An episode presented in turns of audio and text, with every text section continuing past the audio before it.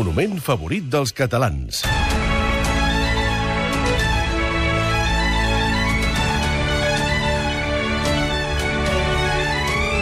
Les 17.14. En aquesta hora tanquem els quarts de final del concurs que busca el monument més estimat del país. Joan Morales, director de la revista Descobrir, bona tarda. Bona tarda. Avui, com que tanquem aquesta fase, t'ha acompanyat també el Jordi Creus, director general de Sàpiens Publicacions. Bona tarda, també, Jordi. Hola, bona tarda. Fins ara hem classificat tres monuments. Avui descobrirem quin és el quart semifinalista i d'aquí una estona obrirem la primera de les semifinals d'aquest concurs.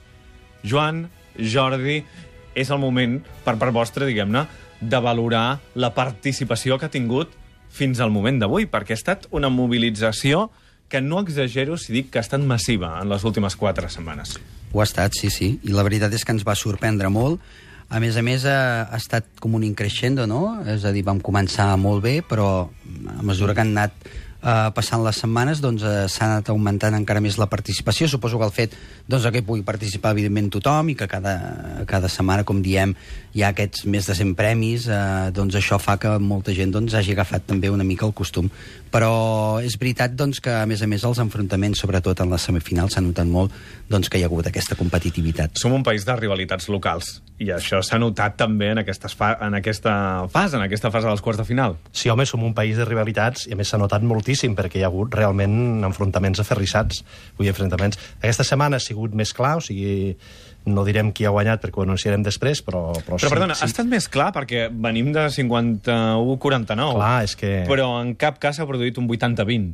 No. Sempre han estat eh, No, batalles molt renyides. tots els territoris han estat molt mobilitzats i a part la gent que no és del territori, però que també ha tingut una participació activa, doncs també ha votat i, i realment molt. Mercè, recordem quins monuments tenim classificats a hores d'ara. Mira, són el castell de Miravet, el monestir de Sant Pere de Rodes i la setmana passada hi vam sumar la seu vella de Lleida.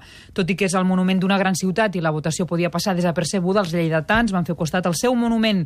L'alcalde Àngel Ros va votar diverses vegades. unes quantes, perquè el reglament deia que es podia votar cada, cada hora. Sí, sí, es pot votar cada hora. 10 vegades, 10 o 12 vegades. Com ha anat aquesta setmana en l'enfrontament entre Sant Climent de Taüll i Empúries? Mm, doncs, com diu el Jordi, la veritat és que des del primer moment eh, un d'aquests dos monuments doncs, va anar pel davant i així ha estat fins al final. És a dir, en aquest sentit no hi ha hagut emoció com d'altres vegades, però vaja, hi ha hagut un volum de participació gens menys preable, diria també. Ha arribat el moment de descobrir quin és el quart i últim semifinalista del concurs del monument favorit de Catalunya, qui es classificarà finalment, el jaciment de l'Empordà o l'Església de Lleida, Empúries o Sant Climent de Taüll.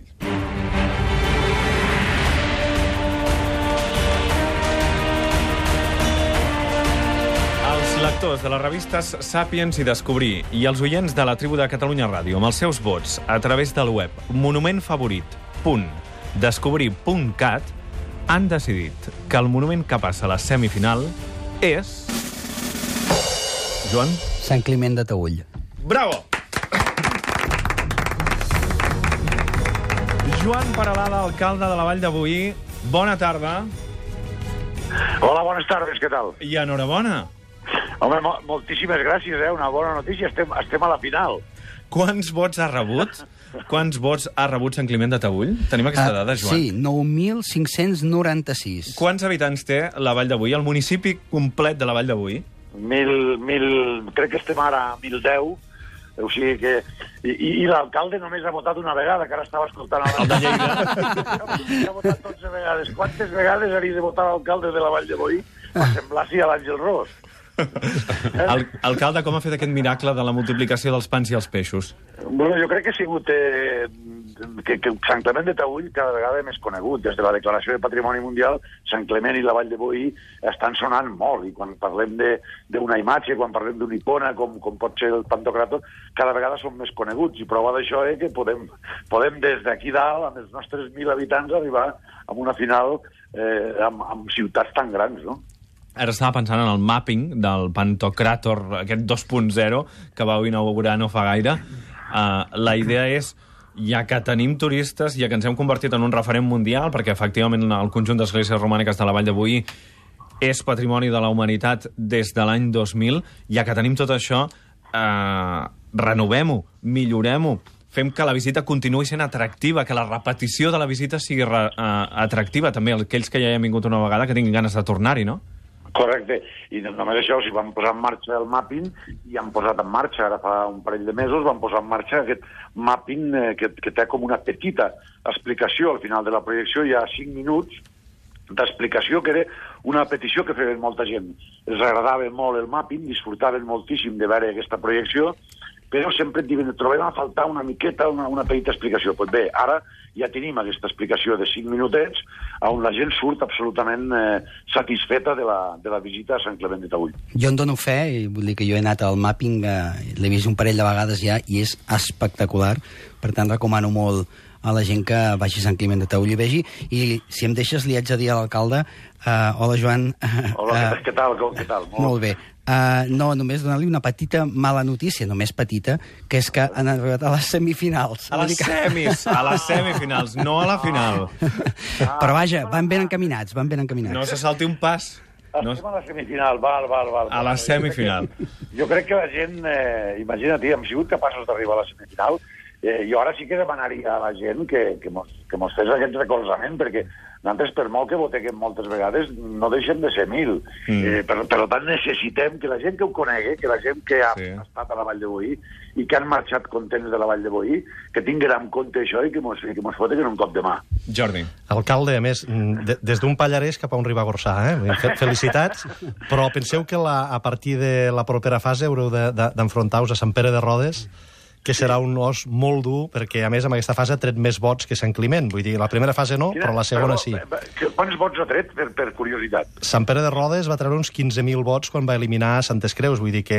Vostès estan a serà- 9.000, eh? Serà, a- a- haureu de mobilitzar molt a, a la gent de, de, de, no només de la Ribagorça, sinó del Pallars i en general de la muntanya i, No, i de jo tot crec que, Catalunya. jo, jo crec que eh, d'entrada tindre el recolzament de tota la gent de la muntanya ja és un gran recolzament, és a dir, eh, però, però necessitem el recolzament de la gent de Catalunya, en general, eh, de la gent que, de la molta gent que marxa molt contenta de la Vall de Boí, i això jo crec que farà que la gent vote que no a la Vall de Boí i que realment la pròxima vegada sí que estiguem a la final. Joan Paralan, alcalde de la Vall d'Avui, moltíssimes gràcies i enhorabona, no tanta enhorabona com vostè es pensava, perquè no va arribar a la final, però a la semifinal, que ja té un cert mèrit. El pròxim Estem, enfrontament. es- escolta, estem molt satisfets. Molt, Molt bé. satisfets. Moltíssimes gràcies. Una abraçada, que vagi bé. Mo- Moltes gràcies. Àlex Susana és director de l'Agència Catalana del Patrimoni Cultural. Àlex, bona tarda. Hola, bona tarda. Què et sembla, això? No, això que han muntat aquests? I tant, i tant, i tant. No, no, la veritat és que, és que me'n congratulo i els he felicitat doncs, eh, més d'una vegada. Ara fa, fa uns dies estàvem, vam coincidir al Born, on hi havia també un altre projecte seu que ens vinculava, que era, que era el, el, el de portar les comarques eh, al Born amb tots els seus productes, amb tota la seva oferta cultural. A veure, jo, jo penso que la, la difusió del patrimoni eh, m'estic adonant que és una de les principals assignatures pendents que tenim com a país, com a cultura i com a ciutadania. Sembla estrany, eh? Sembla estrany un país amb, una, amb un sentiment identitari tan potent i després resulta això, que coneix de manera molt insuficient la seva literatura i que coneix de manera encara més insuficient el seu patrimoni. Jo que, doncs això, potser doncs, tot el cercle d'amics i coneguts que m'envolten tothom em pregunta per la nova feina i quan els passo l'examen no hi ha ningú que el- que l'aprovi, eh? Tothom suspèn l'examen quan tu dius, bueno, quina és l'última vegada que vas anar a Empúries, que vas anar a Ullestret, que has estat a a Olèrdola, has estat a Escornalbou? Però l'examen en què consisteix? L'examen és molt senzill. És, és, de, és, puc, puc d'una banda demanar-los quant de temps fa que no es relacionen amb, tots aquest, amb tot aquest conjunt patrimonial, o com a mínim amb alguns dels principals monuments i jaciments, per una banda, i per l'altra, una pregunta una mica més punyadera, que és dir, Escornalbou eh, significa alguna cosa per tu?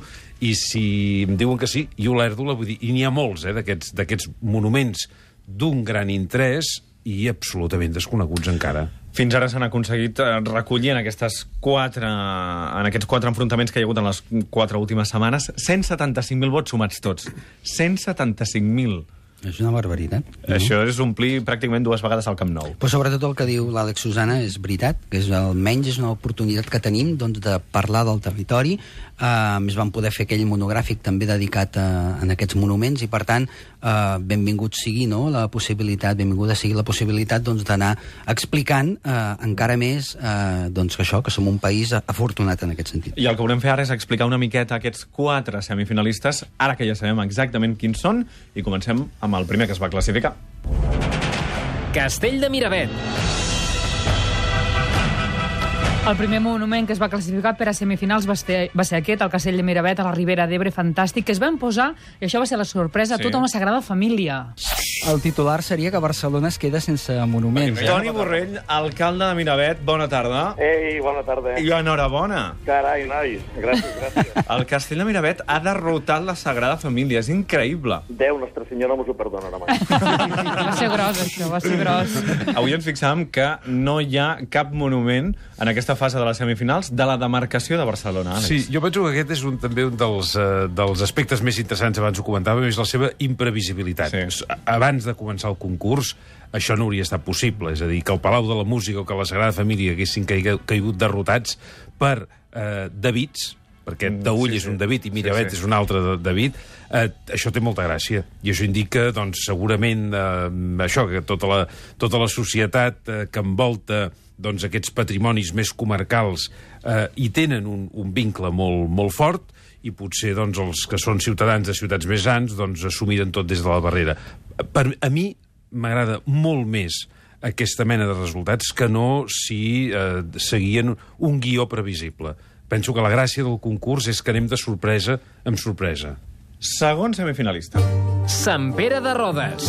En una eliminatòria monàstica, Sant Pere de Rodes va tenir més vots que Santes Creus. Va haver-hi molta participació, però al final van aconseguir la victòria els del Port de la Selva. Esteu contents? Home, i tant. Estem contents i satisfets. Us han arribat vots de, de totes bandes, perquè ens en anàvem a dormir que anàvem una mica per davant i ens despertàvem que ens, havia pas, que ens havíem passat, eh? Aquests són els que van patar la web, no, Jordi? Oh. Uh, Joan, Sí, va ser, va ser la, la, la, diguéssim, la setmana que hi haver més competitivitat i la veritat és que, vaja, sí, sí, fins a últim moment, eh, uns, fins uns minuts abans hi havia possibilitats que guanyés un altre. Tercer semifinalista. La Seu Vella de Lleida. La Seu Vella es va classificar la setmana passada per davant de l'amfiteatre de Tàrraco. A la primera fase i a quarts va ser el monument que més vots va tenir. que ha aconseguit 18.183 vots. Diríem que la Seu Vella ha estat pel davant pràcticament des del, bueno, no, Sí. des de l'inici, de fet. Ja veu que ha estat una lluita molt ajustada, fins a l'últim moment. Molt, molt, perquè la veritat és que l'amfiteatre de Tarragona és preciós. Ens explicava també la setmana passada l'alcalde de Lleida, Àngel Ros, que ells tenen una altra batalla en marxa, que és la de convertir la Seu Vella en patrimoni de la humanitat, que és una cosa que molts monuments catalans ja tenen i d'altres ho busquen. No Sí. és tan fàcil d'aconseguir-ho, però. No, però jo em sembla que, que s'acabarà aconseguint. És En el dir, cas de la Seu sí, Vella? Sí, sí. sí I en sí. quins terminis? Perquè com funciona això exactament? La veritat és que no, no ho sé. És a dir, són processos molt lents, però jo penso que, que s'estan portant de manera impecable i que acabaran donant els seus fruits. I el quart semifinalista, el que acabem de conèixer. Sant Climent de Taüll. que ha obtingut més vots eh, que el jaciment d'Empúries i també és semifinalista del concurs. Per tant, ja tenim els, els quatre. un altre patrimoni de la humanitat en una àrea allunyada dels grans nuclis de població, però que a mi em sembla que cap català no ha visitat alguna vegada a la vida el conjunt de la Vall d'Avui.